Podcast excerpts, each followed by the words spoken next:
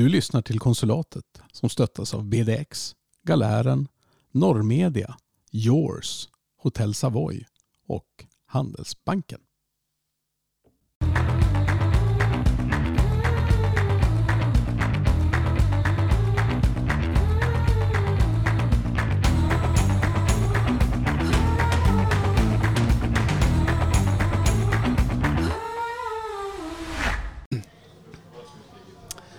Jag välkomnar alla till konsulatet. Idag i vår serie Gäst hos konsulatet så har vi en alldeles särskild gäst med en särskild anknytning till en av våra första poddar.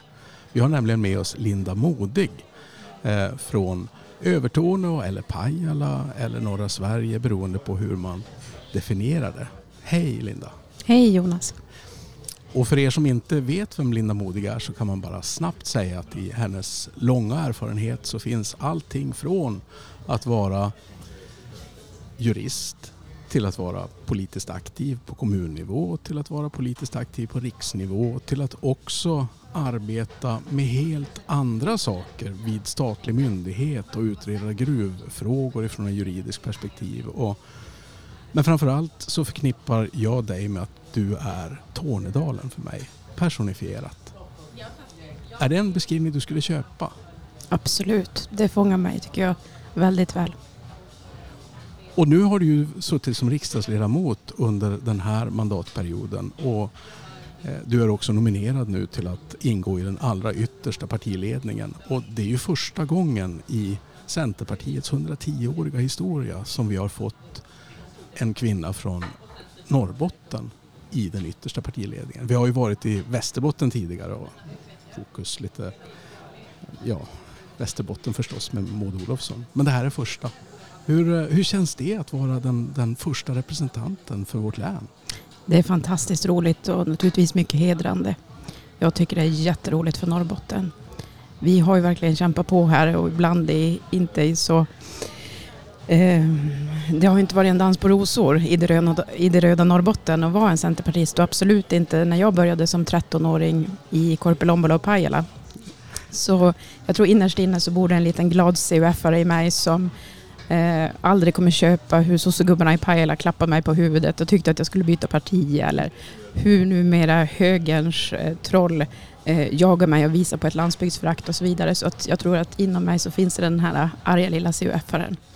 Ja, men är det inte lite historiens ironi också att, att du faktiskt blev vald till kommunstyrelsens ordförande i Övertorneå fastän du inte representerade ett majoritetsblock i fullmäktige? Mycket. Det berättar mycket och det var också helt fantastiskt att bli Övertorneås första kvinnliga kommunalråd vid 32 års ålder. Det var inte heller en, en promenad i parken att leda en fempartiallians men det var en fantastisk tid. Det var underbart att vara KS-ordförande. Det är ett uppdrag som är helt fantastiskt.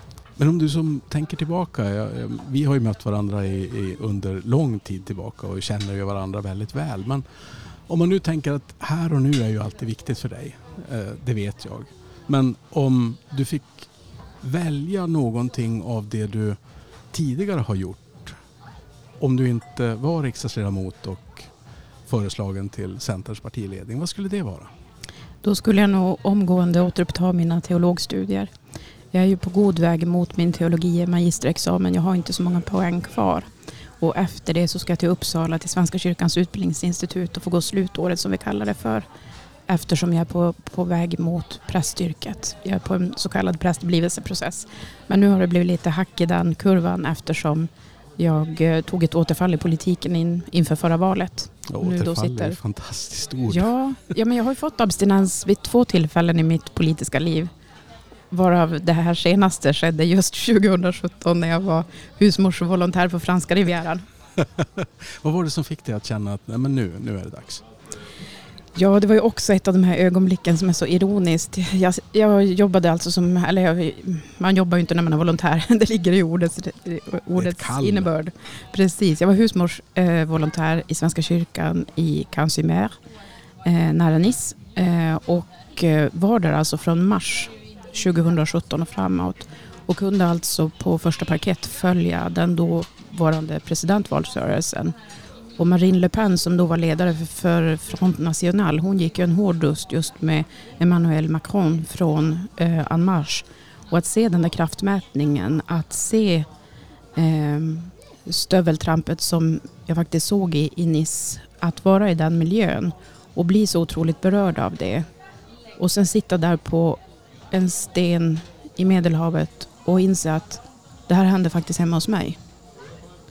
Och att det på något sätt var väldigt märkligt att ha ett så privilegierat liv att man sitter nere på Rivieran på en sten i Medelhavet och förfasar sig över en kraftmätning i Frankrike när man faktiskt har en uppgift hemma mm. som jag frivilligt hade parkerat och pausat till förmån för mina teologistudier. Mm. Och det är ingenting som du ångrar idag, sådär, att du hellre skulle ha fortsatt sitta på stenen och, och göra den delen?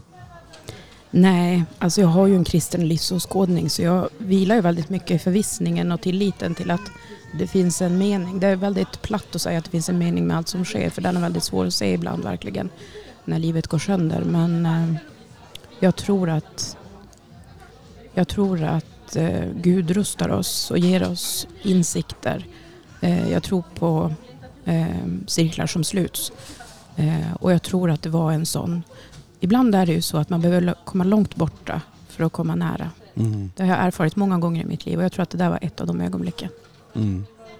Ja, för jag, jag, blev ju naturligtvis förvånad när du, när du kom tillbaka. Jag har ju sett samma sorts jag såg ju bokstavligen stöveltrampet när jag, när jag var på, på Gotland och såg hur Nordiska motståndsrörelsen formerade sig i, åtta grupper och marscherade upp och ner längs Visby gator. Och det är klart att det, det, det var en, en känsla av både missmod och avsmak. Men det är klart att, att det här blir ju mera konkret när vi ser att de här frågorna är ju faktiskt hela Europa och det händer precis samtidigt. Hur, eh, hur ser du, eh, hur länge kommer du att fortsätta i ett sånt här politiskt uppdrag? Det vet jag inte ärligt talat med handen på hjärtat. Ehm, jag har tagit intryck av det vår avgående näringsminister Ibrahim Baylan sa nyligen. Jag har också diskuterat det med några kollegor Eh, Ibbe för oss får vi väl lov att säga mm. eftersom vi har ett gemensamt förflutet. Vi, det är en gemensam bekant till oss. Han förklarade ju att han hade för vana, han har ju suttit så länge i Sveriges riksdag. Han förklarade ju nyligen i samband med att han aviserade sin avgång att han varje sommar, liksom året innan valet, funderar på och utvärderar huruvida han ska kandidera igen eller inte inför en period. Eh, och det där tycker jag, eh, det väckte genklang i alla fall i mitt bröst. Jag tycker att det låter som en, en rätt rimlig rutin och jag har själv umgåtts med den här tanken. Alltså min historia nu i Sveriges riksdag är att jag kom ju in i valet 2018, blev personvald. Centerpartiet hade på de två föregående försöken inte lyckats och nu återtog vi mandatet. Mm. Eh, och jag har ju hela tiden under mandatperioden haft anledning att fundera på vem som ska föra mandatet vidare i nästa period. Om det kommer bli jag eller om det blir någon annan skicklig, duglig partikamrat. Men eh, jag har ju ganska länge, ärligt talat, haft så stor lust till det här uppdraget och det finns så mycket kvar att uträtta. Så jag har nog ganska länge vetat med mig att jag nog gärna ville göra en annan mandatperiod. Mm. Eh, men jag ser det som ett, eh, ett kort uppdrag ändå faktiskt. Jag kanske inte nu ska säga för mycket och sådär men jag tänker verkligen, jag uppskattar verkligen att man går in och ut ur politiska uppdrag och skaffar sig andra erfarenheter, gör andra saker. Att vi har den typen av övergångar. För jag tror att det berikar hela demokratin mm. att det är så.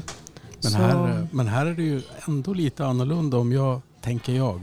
När du gjorde din, din eh, tidigare nationella gärning i politiken då, då arbetade du som, som politiskt tillsatt i regeringen, i regeringskansliet som stabschef åt dåvarande näringsministern och dåvarande partiledaren Maud Olofsson.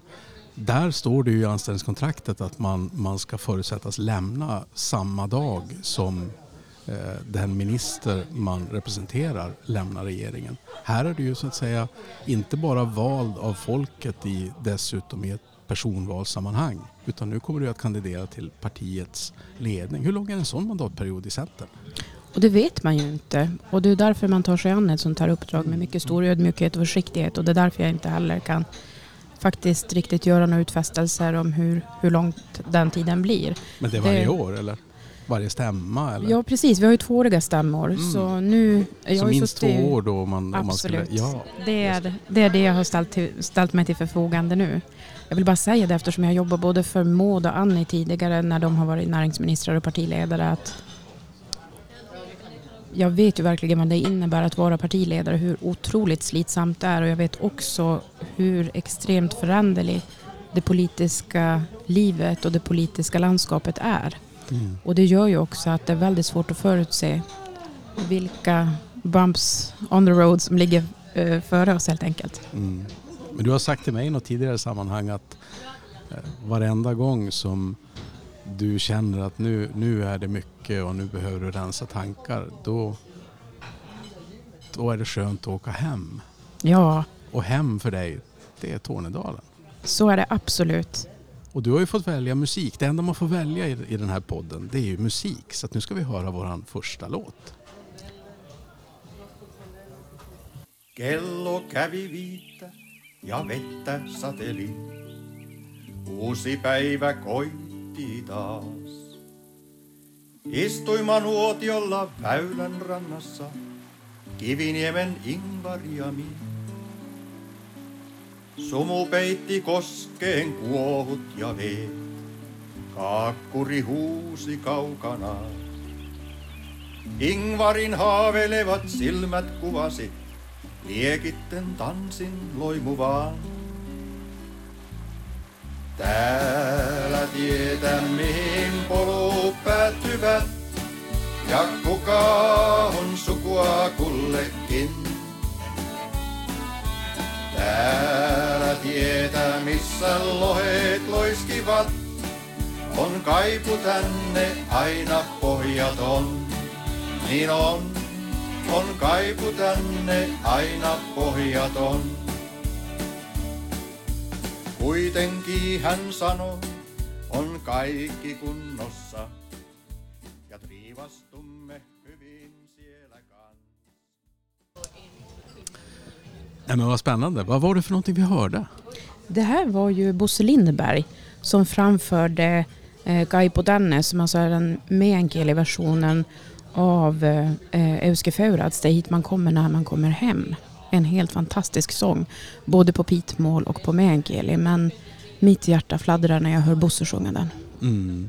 Det är som att du, du har aldrig funderat på att, att uh, bo någon annanstans. Du har ju haft övernattningslägenheter och, och så, men, men det här med att flytta från Tornedalen det är ingenting som finns naturligt. Nej, det har ju gått så långt till och med att när jag lämnade gymnasiet i Pajala då hade jag, jag visste ju redan att jag ville bli jurist. Och jag sökte bara till juristutbildningen i Umeå. Och sen när jag kom in där så insåg jag att alla andra kollegor hade ju sökt eh, inom citationstecken de fina juristutbildningarna vid Lund och Stockholm och Uppsala. Men jag hade liksom inte ens insett det utan min utgångspunkt det var ju att inte åka längre bort än jag måste. Mm. Eftersom vi visste på gymnasiet att om man flyttar eh, bort så är risken ganska stor kanske att man blir kvar där. Mm. Så det var en viktig ledstjärna för mig att få gå liksom vid landets eh, nordligaste juristutbildning. Och det fick jag göra. Var det självklart att du skulle läsa juridik? Du bestämde Verkligen dig på inte. Nej. Nej, oh nej. Alltså jag var länge, länge inne på journalistyrket som jag tycker är helt fantastiskt. Och det är för att jag är en så nyfiken person. Men eftersom jag så tidigt också blev politiskt engagerad så insåg jag att det skulle vara en omöjlighet. Jag skulle aldrig kunna vara yrkesverksam som journalist eftersom jag förstod då, i synnerhet under gymnasieåren när jag hade blivit så engagerad, då förstod jag att politiken skulle vara en del av mitt liv, att jag var ett politiskt djur. Det hade jag kommit till insikt om. Så då fick jag välja bort eh, journalistyrket. Och då ville jag bli åklagare. Det var den stora drömmen. Jag vet att jag var på mm. Norlia-mässan och gjorde ett sånt här test som Arbetsförmedlingen hade då för tiden. Mm. Eller någon sån här syokonsulter. Eh, och då fick man en lång lista på yrken. Och på en, ja jag tror det var tio yrken. Och ett av de yrkena var journalist. Mm. Eh, och det andra var, eller det var ju nio andra alternativ, men ett av dem var just åklagare. Och då blev jag ju supermotiverad på att bli det. Men så blev det inte. Nej, men, men du, skulle, du, har, du har ju förutsättningarna förstås. Men, men jag tror väl att om man står och väljer mellan prästyrket och åklagaryrket på riktigt, då har man väl ett kall. Ja, jag har gjort mitt val. Jag började ju att läsa på teologiprogrammet i Umeå universitet faktiskt när jag jobbade på Bergsstaten som mm. jurist. Så att det var också en av de här underbara vändningarna i livet som man inte riktigt kan förutse.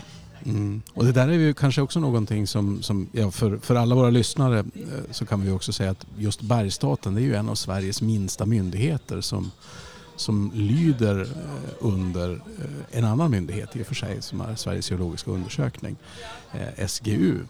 Vad gör man på Bergsstaten? Ja, men Bergsstaten den är ju då en organisatorisk enhet inom SGU. Men Bergsstaten, denna lilla myndighet, den prövar prospektering och bearbetningskoncessioner, alltså de två första tillståndet man behöver i den långa, långa kedjan av gruvprövning. Mm. Så den myndigheten handlägger sådana ansökningar och då därmed också överklaganden och annat. Så man jobbar där med undersökningstillstånd, bearbetningskoncessioner, markanvisningar huvudsakligen.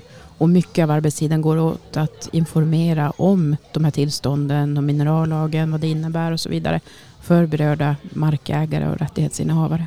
Mm. Och där kan man väl säga under, under den tiden som, som jag själv fanns eh, anknuten till gruvnäringen, då, då, lärde man sig en tumregel att eh, detta med undersökningstillstånd, det var någonting som var en väldigt snabb och rationell hantering. Det var tydliga regelverk och eh, det gick fort att få sådana. Och man kunde, det var också tydligt när, när sådana här måste ersättas av att man kan inte förlänga ett undersökningstillstånd hur länge som helst. Och då kommer man då till det här bearbetningskoncessionen. Och då fick jag ju lära mig att det var en process som tog ungefär sex månader, ja maximalt två år.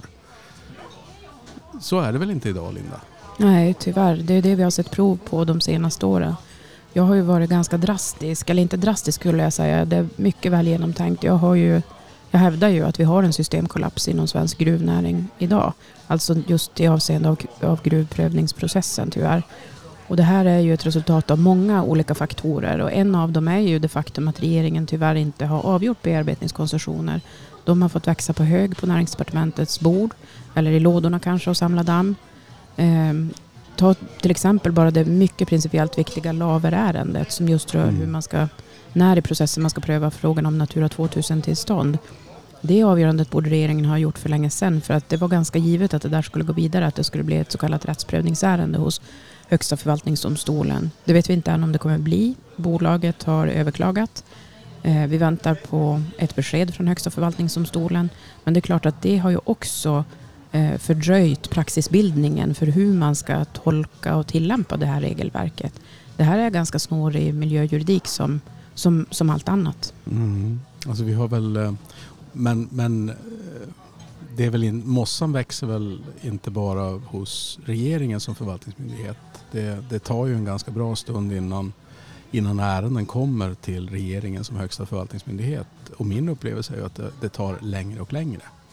Jag delar den erfarenheten. Jag har ju varit otroligt kritisk också offentligt när det gäller till exempel Länsstyrelsen i Norrbotten. Jag har ju till och med motionerat i Sveriges riksdag om att vi just därför behöver koncentrera prövningen av den här bedömningen enligt tredje och fjärde kapitlet i miljöbalken som just handlar om vilket riksintresse till exempel, om det finns eh, oförenliga eller motstående intressen, att det behöver koncentreras till färre länsstyrelser. Det är ju en trend vi ser inom länsstyrelsevärlden redan idag.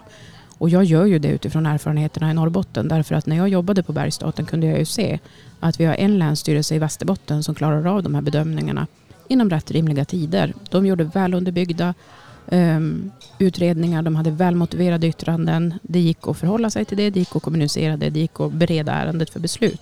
Medan Länsstyrelsen Norrbotten var en följetong av uh, skriftväxling påminnelser, ansökningar om anstånd etc. etc. Det var enorma tidsutdräkter på de ärendena. Eh, och det här är ju en frustration som, som är min egen erfarenhet och den är offentligt dokumenterad i Bergsstatens och Länsstyrelsens arkiv. Så att, eh, eller diarium. Eh, och den kvarstår ju. Eh, det är ju ännu värre när vi sen kommer till miljöprövningarna.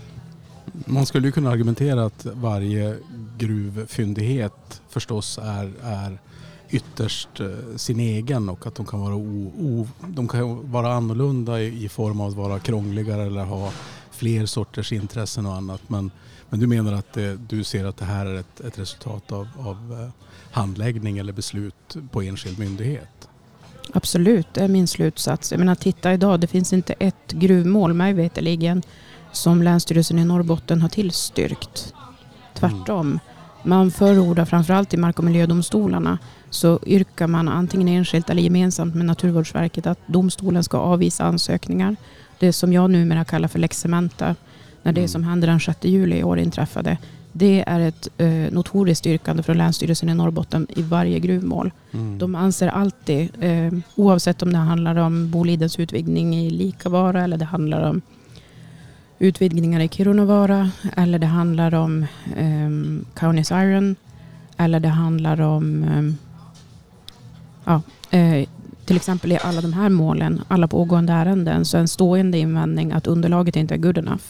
Och då ska vi komma ihåg att det ändå fem andra sektorsmyndigheter där. Det är SGU, det är Havs vattenmyndigheten, det är Naturvårdsverket, det är eh, Kammarkollegiet som prövar säkerheten när det gäller den ekonomiska säkerheten för damm, eh, för dammar och, och ja, dammsäkerhet. Eh, och dessutom den regionala statliga myndigheten, Länsstyrelsen, som då har en, en regional eh, tvärsektoriell styrning och samordning. Jag läste ju i, i norrmedia att eh, en av de här statliga sektorsmyndigheterna tyckte att det var en för omfattande eller för snårig ansökan, att det fanns för mycket material. Precis, och det här blir ju ett moment 22. Det här är ju vad vi i politiken skulle kalla för härskartekniker, alltså dubbelbestraffning. Damn if you do, damn if you don't. Mm. Vi har en situation idag där dessa sektorsmyndigheter hela tiden kräver in mer underlag från sökanden, från bolagen. Dessa efterkommer de här önskemålen. De langar in ytterligare underlag, fördjupade underlag, fler bilagor. Eh, och sen blir det så, så citat svåröverskådligt som då Naturvårdsverket, den ordvändningen använder de och även Länsstyrelsen har eh, anfört liknande argument. Eh, och då, då vill man ju bara som lekman säga no shit Sherlock. Mm. Alltså det, i, på juristprogrammet så blev vi hela tiden fostrade i, i läran om adekvat kausalitet, sambandet mellan orsak och verkan. Och det är klart att om man hela tiden efterfrågar mer och mer och mer underlag och bolagen efterkommer det här. Eh, det är klart att det blir en omfattande ansökan. Det är klart att det fort går upp i 8000 sidor. Men det man inte tänker på det kanske är att för, det, för den sökanden kanske det där har kostat 20 miljoner. Mm. Man kanske inte tänker på att det där har pågått i två år redan. Man kanske inte tänker på vilken osäkerhet det skapar, inte bara hos gruvbolaget, dess aktieägare, dess medarbetare, utan alla andra som är berörda. Ta Kaunis Iron, hela Pajala kommun, hela Tornedalens befolkning som nu har fått sin sysselsättning där. Eh, ta de berörda rättighetsinnehavarna, till exempel samebyn där, som nu har en överenskommelse med det nuvarande gruvbolaget och så vidare. Så att det här skapar en enorm osäkerhet. Mm. Men om man då, om man då tänker, du, du ser inte, jag har ju hört förklaringen då från, från de olika myndigheterna att, att det är bristfälligt eller att det inte är bra nog och att eh, bolagen inte tar på allvar detta med att, att leverera in bra ansökningar. Va, vad säger du om det motargumentet? Jag tycker att det finns utrymme att förbättra miljötillståndsprocessen i Sverige och därför har jag också lagt konkreta förslag om det i Sveriges riksdag i min motion förra året och även nu i höst om någon vecka här kommer jag presentera mina nya förslag. Och jag menar ju att här har mark och miljödomstolarna faktiskt ett utrymme redan idag att ha en mer aktiv processledning, alltså att vägleda både sökanden men också myndigheterna i vad som krävs, eh, kräva korta eller korta men rimliga eh, tidsfrister och att myndigheten har en skyldighet att iaktta förvaltningslagens krav på skyndsamhet och så vidare i, i sitt arbete.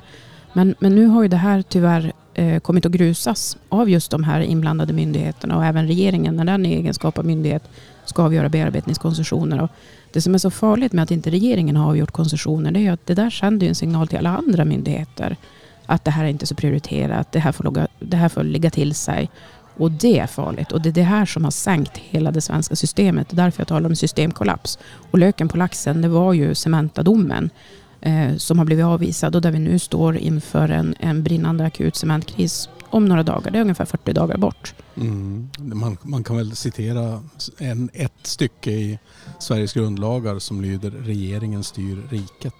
Det sammanfattar väl ganska, ganska tydligt det som är regeringens ansvar. Sen kan man ju ha olika uppfattning om hur man tycker att de tar sitt ansvar. Men vad tror du om, om just den här Cementa Eh, domen? För här har ju lagrådet underkänt det som har varit regeringens förslag till, till den här akutlagen om att förlänga Cementas tillstånd med, var det åtta månader?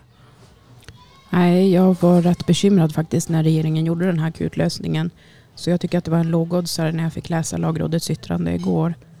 Och det har ju att göra med liksom dels hur den svenska förvaltningsmodellen fungerar, dels hur grundlagen ser ut. Och det är klart att göra en lagändring specifikt för ett företag, för ett företags behov, för ett företags situation. Det är ju rätt unikt så att det var inte så svårt att gissa att domstolen skulle slå ner på det. Men att kritiken och sågningen från lagrådet skulle bli så här omfattande eh, det kunde jag inte se komma. Så att jag är extremt bekymrad för att jag ser inte riktigt just nu vilka andra lösningar som finns tyvärr. Så att det här är ett, ett mycket prekärt läge. Och det här rör ju inte bara Cementa och den industrin utan det här rör ju all annan verksamhet. Hela stadsomvandlingen i Kiruna, alla gruvföretag som har underjordsverksamhet och mm. även annan verksamhet som är cement eller betongintensiv. Mm. Och dessutom så finns det ju ingen, ingen ersättning. Eh, cementen går inte att ersätta med någonting annat, åtminstone inte, inte till de kvalitetsstandarder som, som man har kring, kring hur den fungerar rent kemiskt. Men om man nu tänker, eh, ja, rent hypotetiskt, för vi kan ju bara vara hypotetiska. Om du hade klättrat tillbaka till ditt tidigare, tidigare, tidigare uppdrag och varit stabschef på näringsdepartementet, vad hade du gjort för någonting nu? För det första så hade jag sett till att statsrådet hade avgjort ärendena för sju år sedan. Det är ju ett bekymmer att de här ärendena har fått lägga till sig. Sen är det också så här att redan när jag jobbade som politisk sakkunnig hos Maud Olofsson, dåvarande näringsminister, och när jag själv hade ansvar för gruv och mineralnäringen så besöktes vi av företrädare för gruvnäringen som framförde synpunkter och klagomål på tillståndsprocessen, på ledtiderna.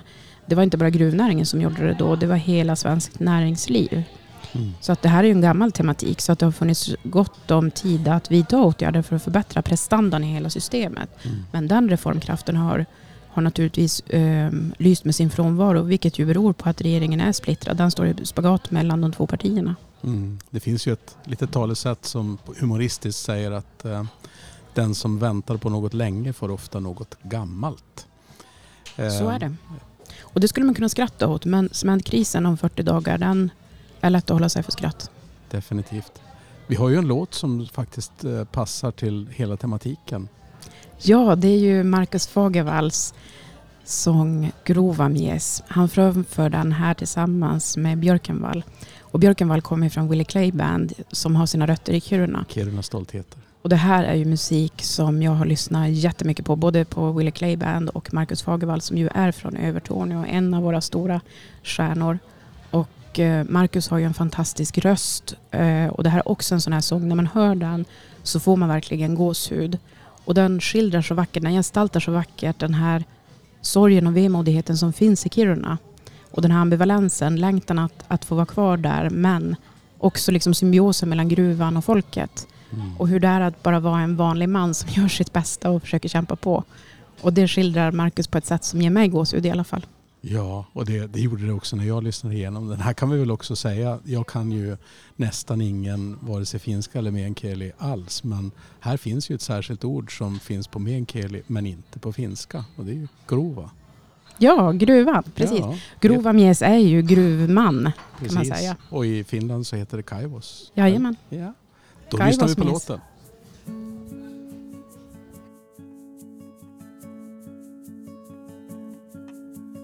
Rauhassa elän yksin vain. Muutin tänne kylästä koteitään. Tämä paikka on kruuva kaupunki. Monet on jo muuttaneet täältäkin. Oh.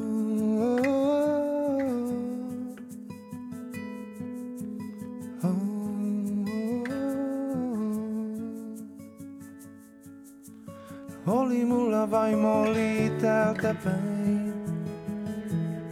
Mutta hälle tuli kaipuu etelään.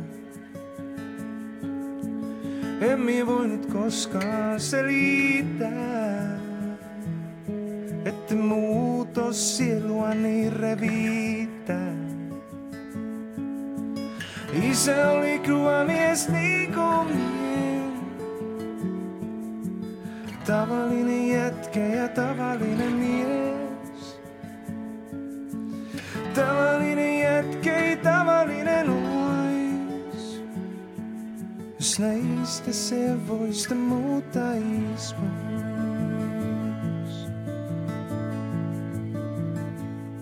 Täällä vaaran päällä kuitenkin trivastuun. Vaikka rikkautta liian vähän on. Itseksen vielä minun elämään. Se ei minusta tarvitse kukaan välittää. Ja, vi hörde ju alltså eh, Fagervall och Björkenvall som framförde Krovamies. Var det där ett okej uttal? Det tycker jag. Absolut. Grova mes. Jag älskar ju Tornedalen måste jag bara säga som en sån här liten, liten eh, disclaimer som vi, vi säger. För vi har ju använt många så här små engelska ord och kan väl redan nu då be om ursäkt för att vi, vi, är, vi är lite så här urbana. Ja, jag vill verkligen be en god vän till mig om ursäkt för hon hatar att jag använder anglicismer men jag kan liksom inte låta bli. Det är ju så roligt ibland. Ja men det är ju det. det är en, men, men om man nu tittar på det som, det som är utveckling och, och framåtskridande. Du som, alltså när du gick på högstadiet i, i Korpilombolo. Fanns det på kartan att en av Norrbottens största industriföretag skulle bedriva verksamhet i Pajala? Nej, det var ju rena undergångsstämningen. Det var ju det som gjorde att jag till exempel blev politiskt aktiv. För jag såg ju där på högstadiet hur mina kompisars föräldrars arbetsplatser flyttades. Först från Korpis till Pajala. Sen kanske till, från Pajala till Luleå eller ännu längre bort. Många företag lades ner. Jag flyttade som 16-åring hemifrån Teurajärvi till en egen lägenhet i Pajala. Och när man var där på gymnasiet, mellan att man var 16 och 18 år så var ju med glimten i ögat som liksom mentaliteten var att sista personen släcker lampan. Det var den typen av framtidstro som fanns. Eh, Så jag tyckte att, att eh, ja, men jag var väl lite så här självkritisk till att varför ska jag läsa på juristprogrammet i Umeå och kanske bli åklagare? Vart ska jag komma och jobba liksom? Mm. Men eh, så var stämningen. Mm. Ja, men, och nu är den ju helt annorlunda. Nu, nu pratar ju alla om det som är utveckling i, i norra Sverige. Märker du av det mycket när du, när du befinner dig i, i maktens korridorer i Stockholm? Verkligen, det är som att proppen har gått ur flaskan. Det är fantastiskt att det är här hos oss i Norrbotten och norra Sverige som det händer och det händer nu. Och jag upplever att eh, just den här regeringens samordnare Peter Larsson, att han har kommit hit och visat upp en karta i en stor dagstidning i, i Stockholm. Det verkar liksom nu ha trängt igenom allt det vi från politik, näringsliv, eh, civilsamhälle i hundra år kanske har försökt att berätta om Norrbotten, att det här är framtidslandet, här bygger vi framtidslandet. Det har han liksom fått ett helt annat genomslag för och det erkännandet tycker jag man ska ge Peter Larsson. Mm. Eh, Så jag tycker att det finns idag en helt annat intresse, en helt annan seriositet och respekt inför vad vi håller på med i norra Sverige när vi tar den ledande rollen, vi tar ledartröjan för hela den gröna omställningen. Och det är helt Mm. fantastiskt. Och ibland brukar man ju skylla att vi, vi från norra Sverige alltid, om man frågar och säger men nu är vädret bra så svarar man ja idag ja. Men, men eh, om, om man ser på de utmaningar som vi behöver ta oss an och verkligen bemästra. Då har vi ju tidigare i, i den här podden pratat om, om detta med att, att jobba med kompetensattraktion, jobba med att få människor att, att verkligen se möjligheterna. Både de som har vuxit upp här och så att säga redan vet det som kan vara fördelar men också de som aldrig varit här. Hur tycker du att man, om, om du nu fick välja alldeles fritt så där, hur, hur ska man i Region Västerbotten, Region Norrbotten jobba med, med utvecklingen av, av eh, de bägge länen? Det är en väldigt stor och utmanande frågeställning och jag tänker att just den här kompetensförsörjningsbristen eller behovet av kompetensförsörjning som är så i någon mening akut och omedelbart här hos oss. Det behöver vi jobba med tillsammans och det gör vi också tillsammans. Och där kan man ju jobba till exempel med avskrivning av studiemedel, alltså studieskulder. Man kan jobba med eh, arbetskraftsinvandring, att få en förbättrad integration. Eh, därför att det sorgliga är, om vi tittar på Norrbotten, det är ju liksom att de senaste 50 eh, åren så har länet vuxit med 53 personer. Vi har ju tyvärr inte sett samma makalösa utveckling som Umeåregionen eller Oulu och Uleåborgsregionen har haft. Mm. Eh, och det här är ju otroligt utmanande för Norrbotten. Vi behöver verkligen klara kompetensförsörjningen och vi behöver också säkra upp med, med logistik och infrastruktur. De frågorna blir ju jätteviktiga så att man kan få en fungerande arbetsmarknadsregion. Och ytterligare en aspekt är ju liksom attraktionskraften, hela det underliggande. Mm. Vad är det som gör livet värt att leva? Vad är det som gör att det är kul? Mm. Eh, kulturen, nöjen, allt det där. Vi behöver få en helhet som känns attraktiv för de människor som vill komma hit till norra Sverige och vara med och bygga det här framtidslandet tillsammans med oss som redan har, har vuxit upp här eller blivit förälskade i de här nordligaste länen. Fler ska få möjlighet att vara med på den resan tycker jag. Mm. Och då har vi stora utmaningar och stora möjligheter framför oss på ett helt annat sätt än vi har haft tidigare. Så Du jag kommer tror att att vi vara... har ett, ett historiskt fönster nu faktiskt. Ja. Och i den resan kommer ju du alltid att vara med på ett sätt eller ett annat. Visst är det så? Det tror jag. Jag är väldigt besjälad av och vi jobbar ju hårt i Centerpartiet just med de här olika projekten.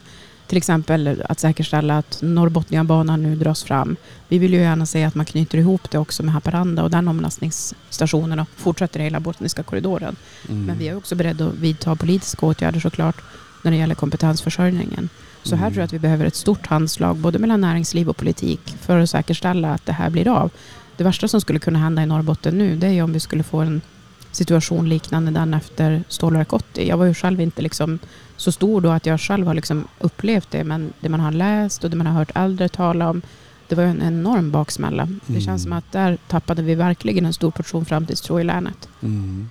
Det är klart att en, en sån här omedelbar utmaning är ju, är ju detta med att vi, vi har ju alltid gått omkring och trott att det här med eh, kraftförsörjning och elkraft är någonting som vi nästan kan ta för givet. Det är bara att släppa på lite grann i dammarna i, i någon av, av våra stora utbyggda älvar. Men så är det ju inte längre.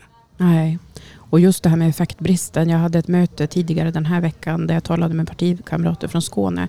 Där jag verkligen återigen skärpte vikten för dem av att de måste ta ett större ansvar för sin effektförsörjning helt enkelt. Därför att vi här uppe i Norrbotten och Västerbotten i elområde SE01, alltså vi kommer ju snart ha brist. Mm. Vi kommer ha behov av mer effekt i slutet av det här decenniet. Så att, alltså, nyheten till södra Sverige är ju att de måste ju ta ett större ansvar för sin effektförsörjning. De kan inte påräkna att vi ska fortsätta vara en leverantör av kompetens, eh, effekt, vattenkraft, malm etc. Mm. Utan vi har stora utmaningar och möjligheter fram, framöver här. Men Så ser vi du kommer framför dig behöva all vi, effekt vi kan ja, uppbåda. Ser du framför dig att vi kommer att bygga ut det som är, det som är kraft då, i, framförallt i form av, av vindkraft? Markbygden är ju ett, ett exempel på en, en väldigt stor vindkraftpark i sammanhanget. Ser du, ser du ett eh, behov av att, av att fortsätta utöka den utbyggnaden? Där också medveten om att det finns en konflikt ibland mellan, mellan boende och, och eh, vindsnurror.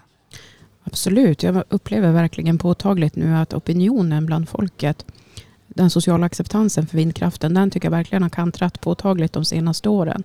Det ifrågasätts i mina hembygder, i Risudden, i Kävmäjärvi. Järvi. Eh, det ifrågasätts på andra håll i Norrbotten, i Boden, Gällivare, Överkalix, på allt fler ställen. Eh, och här tror jag att vi har en, en riktig utmaning, för det här är ju det är otroligt svårt. Vi är ju ett fantastiskt län. Vi är en fjärdedel av Sveriges yta. Vi har nationalparker. Vi har unika mineralfyndigheter. Vi har renskötsel och rennäring. Vi har besöksnäring. Vi har orörd vildmark och så vidare.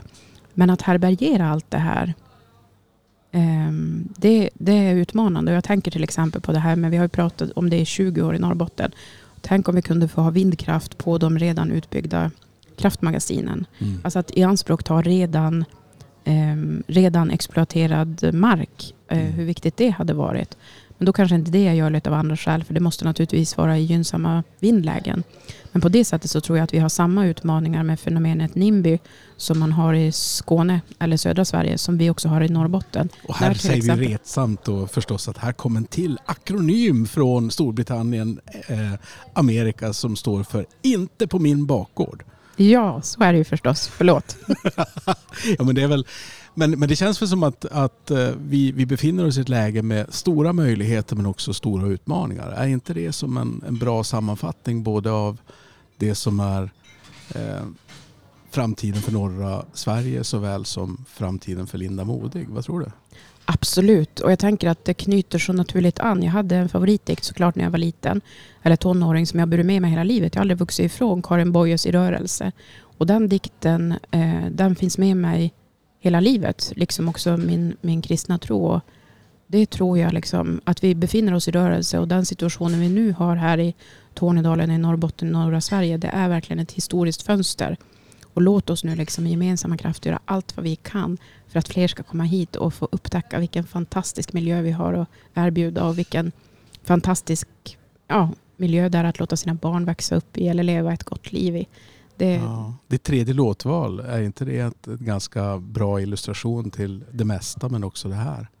Absolut. Alltså jag tycker att vi behöver mer metaller och mineral och att vi måste utvinna det i Sverige och inte bara i Sverige norr om Dalälven.